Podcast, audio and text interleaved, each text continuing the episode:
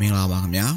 မော်လမြန်မာပေါ့ကတ်စီစဉ်အနေကြိုဆိုလိုက်ပါတယ်2023ခုနှစ်မေလ၄ရက်နေ့ဒီနေ့ကျွန်တော်တို့တင်ဆက်မယ့်အစီအစဉ်မှာတော့ပရိသတ်တွေစေဝင်စားပွဲမွန်ပြည်နယ်တရင်ပြည်တွင်းတရင်နဲ့အာဆီယံတရင်တရင်ပေပို့ချက်ပြည်သူတွေသိထားတဲ့နေ့စဉ်ကုန်စည်နှုန်းတရင်တချို့တွေကိုအစီအစဉ်ပထမပိုင်းမှာရွေးချယ်တင်ပြပေးသွားမှာဖြစ်ပါတယ်ဒါပြင်စစ်ကောင်စီထက် တာလွန်တဲ့တိုက်ခိုက်ရေးအင်အားကိုစုဖွဲ့နိုင်ခဲ့ပြီလို့အမျိုးသားညီညွတ်ရေးအစိုးရ NUG ကပြောကြားလိုက်တဲ့သတင်းပေးပို့ချက်ကိုလည်းတင်ဆက်ပေးပါဦးမယ်။ဟုတ်ကဲ့ပါဒီနေ့အစီအစဉ်မှာတော့ကျွန်တော်အကာတာဝန်ယူတော့မှာဖြစ်ပြီးကျွန်တော်နဲ့အတူနွန်တဲ့ရသတင်းတွေကိုကူညီတင်ဆက်ပေးတော့ပါ။နားဆင်ကြတဲ့ပရိသတ်အားလုံးကိုမင်္ဂလာပါလို့နှုတ်ခွန်းဆက်သပါရစေ။ကျွန်မနွန်တဲ့ကကိုအာကာနဲ့အတူသတင်းတွေကိုကူညီဖတ်ကြားပေးသွားမှာဖြစ်ပါတယ်။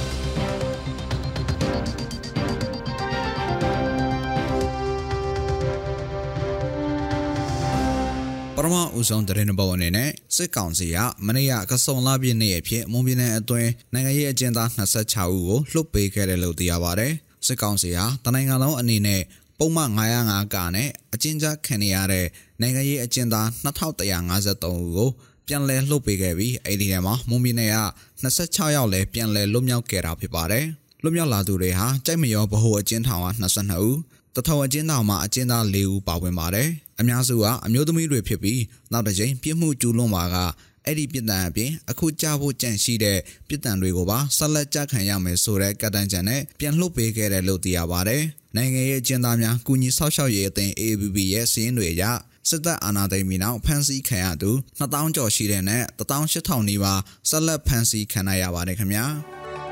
။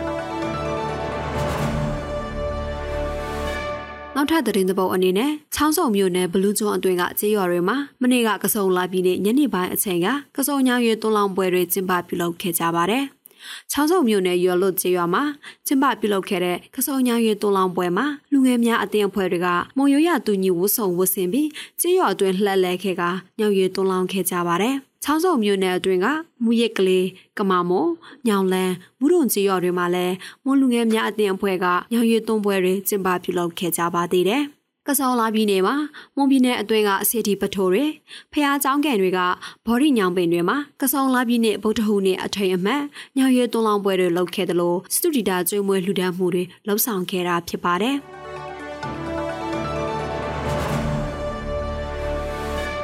နောက်ထပ်သတင်းတစ်ပုဒ်အနေနဲ့ စစ်ကောင်စီလက်အောက်ခံမြန်မာနိုင်ငံသတင်းမီဒီယာကောင်စီအဖွဲ့ဟာ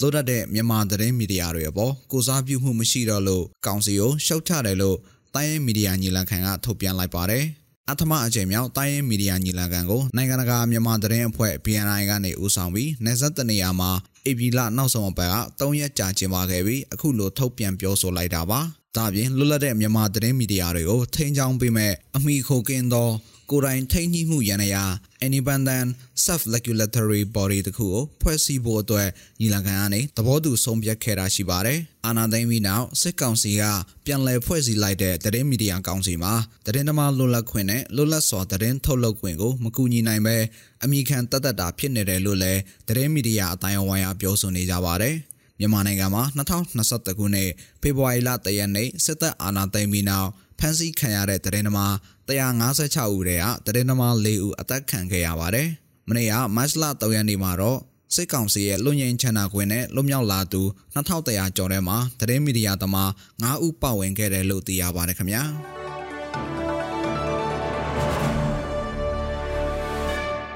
နောက်ထပ်သတင်းသဘောအနေနဲ့တနင်္သာရီတိုင်းမှာကုန်စည်နှုန်းကြီးမြင့်တာတွေကြောင့်စစ်ဘေးရှောင်တွေအနေနဲ့အကူအညီတွေလိုအပ်နေတယ်လို့စစ်ရှောင်တွေကိုကူညီပေးသူတွေကပြောပါတယ်။ စစ်ကောင်စီဘက်ကအစစ်အစေးကြလာသလိုကုန်ပစ္စည်းတွေကိုတည်ယူဖို့ကတ်သက်တာတွေကြောင့်လည်းအခက်ခဲတွေပိုများလာတယ်လို့ပြောကြပါဗျ။ဒေသအတွင်းအဖွဲ့တွေရဲ့စီးရင်တွေအရအေဗီလာကောင်အထိတနင်္သာရီတိုင်းကမြို့နယ်လေးခုမှာစစ်ရှောင်စုစုပေါင်း3000လောက်ရှိနေတယ်လို့သိရပါဗျ။ပြီးခဲ့တဲ့မက်လာကတနင်္သာရီတိုင်းမှာစစ်ရှောင်4000ဝန်းကျင်အထိရှိခဲ့တာကြောင့်တလအတွင်းစစ်ရှောင်1000လောက်ပြန်ရော့ကျသွားတဲ့သဘောဖြစ်ပါတယ်ရှင်။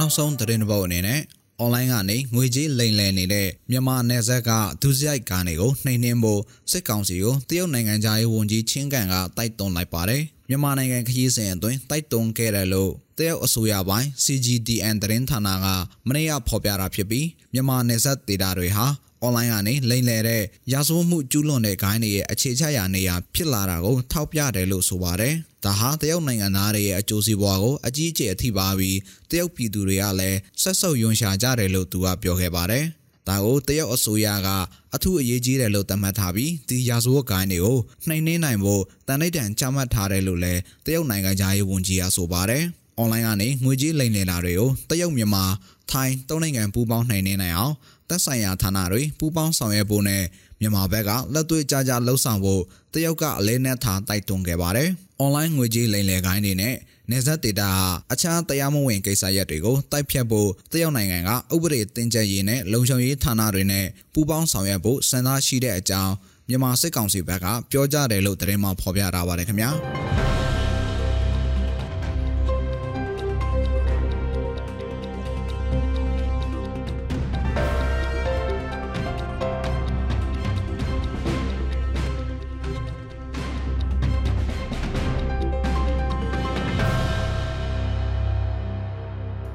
ပြည်သူတွေသိထားတဲ့နေ့စဉ်ကုန်စည်နှုန်းတဲ့တချို့တွေကိုမော်လမြိုင်ကုန်စည်တိုင်းအချက်လက်တွေကိုအခြေခံပြီးကျွန်တော်အကာတင်ဆက်ပေးပါဦးမယ်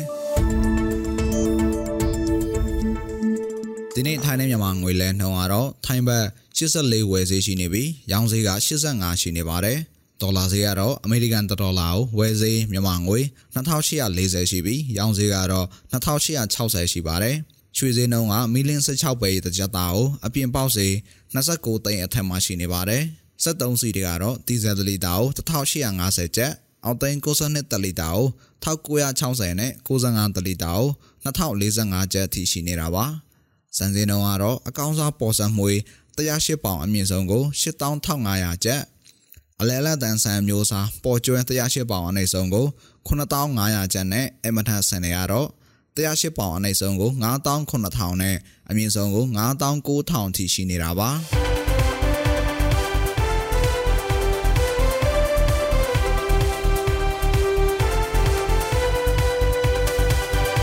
အခုတင်ဆက်ပေးတော့ခဲ့တာကမေလ၄ရက်နေ့မှာဖြစ်ပျက်ခဲ့တဲ့မွန်ပြည်နယ်တဲ့ပြည်တွင်းသတင်းနဲ့အာဆီယံသတင်းတွေအပြင်တနေ့တာစီစေးငွေစင်းနဲ့ကုန်စည်နှုန်းတွေကိုတင်ဆက်ပေးသွားခဲ့တာဖြစ်ပါတယ်ဆက်လက်ပြီးတော့စစ်ကောင်စီထက် တာလွန်တဲ့တိုက်ခတ်ရေးအင်အားကိုစုဖွဲ့နိုင်ခဲ့ပြီလို့အမျိုးသားညီညွတ်ရေးအစိုးရ NUG ကပြောကြားလိုက်တဲ့သတင်းပေးပို့ချက်ကိုနဒီယာတင်ဆက်ပေးပါဦးမယ်။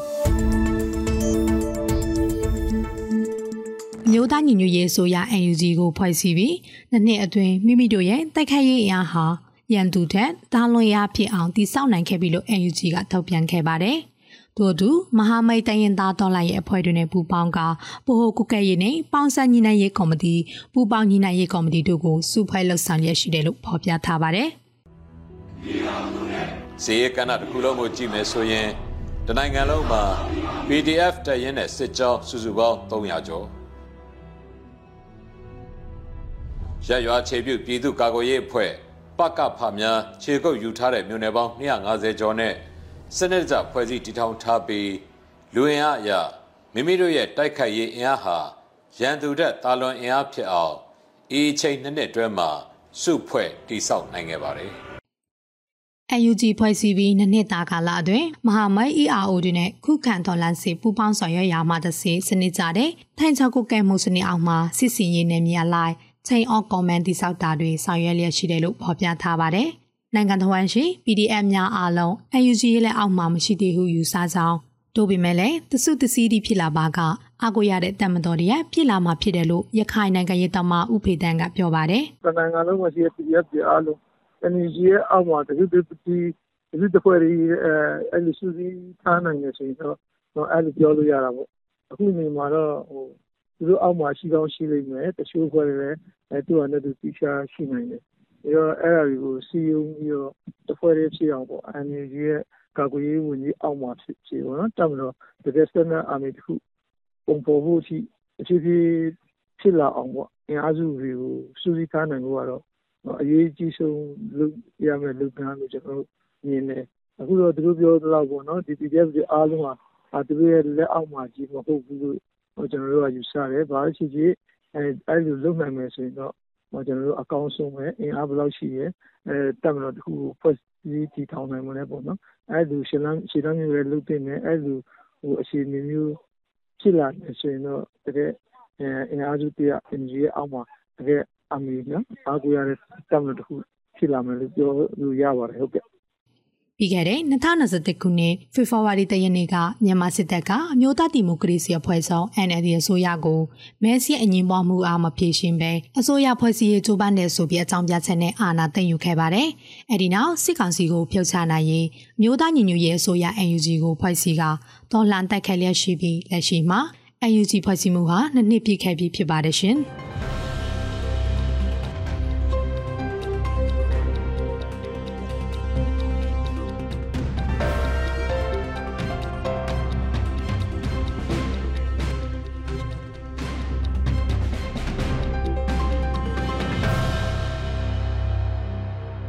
မတို့ရဲ့မွန်လန်းမြန်မာ podcast အစီအစဉ်ဒီမှာတင်ပြီးဆုံးပါပြီ။နားဆင်ကြတဲ့ပရိသတ်အားလုံးကိုနောက်နေ့အစီအစဉ်တွေမှာဆက်လက်အားပေးကြပါဦးလို့ဖိတ်ခေါ်ရင်းအစီအစဉ်ကိုဒီမှာပဲအဆုံးသတ်ပါရစေ။အားလုံးကိုကျေးဇူးတင်ပါတယ်ရှင်။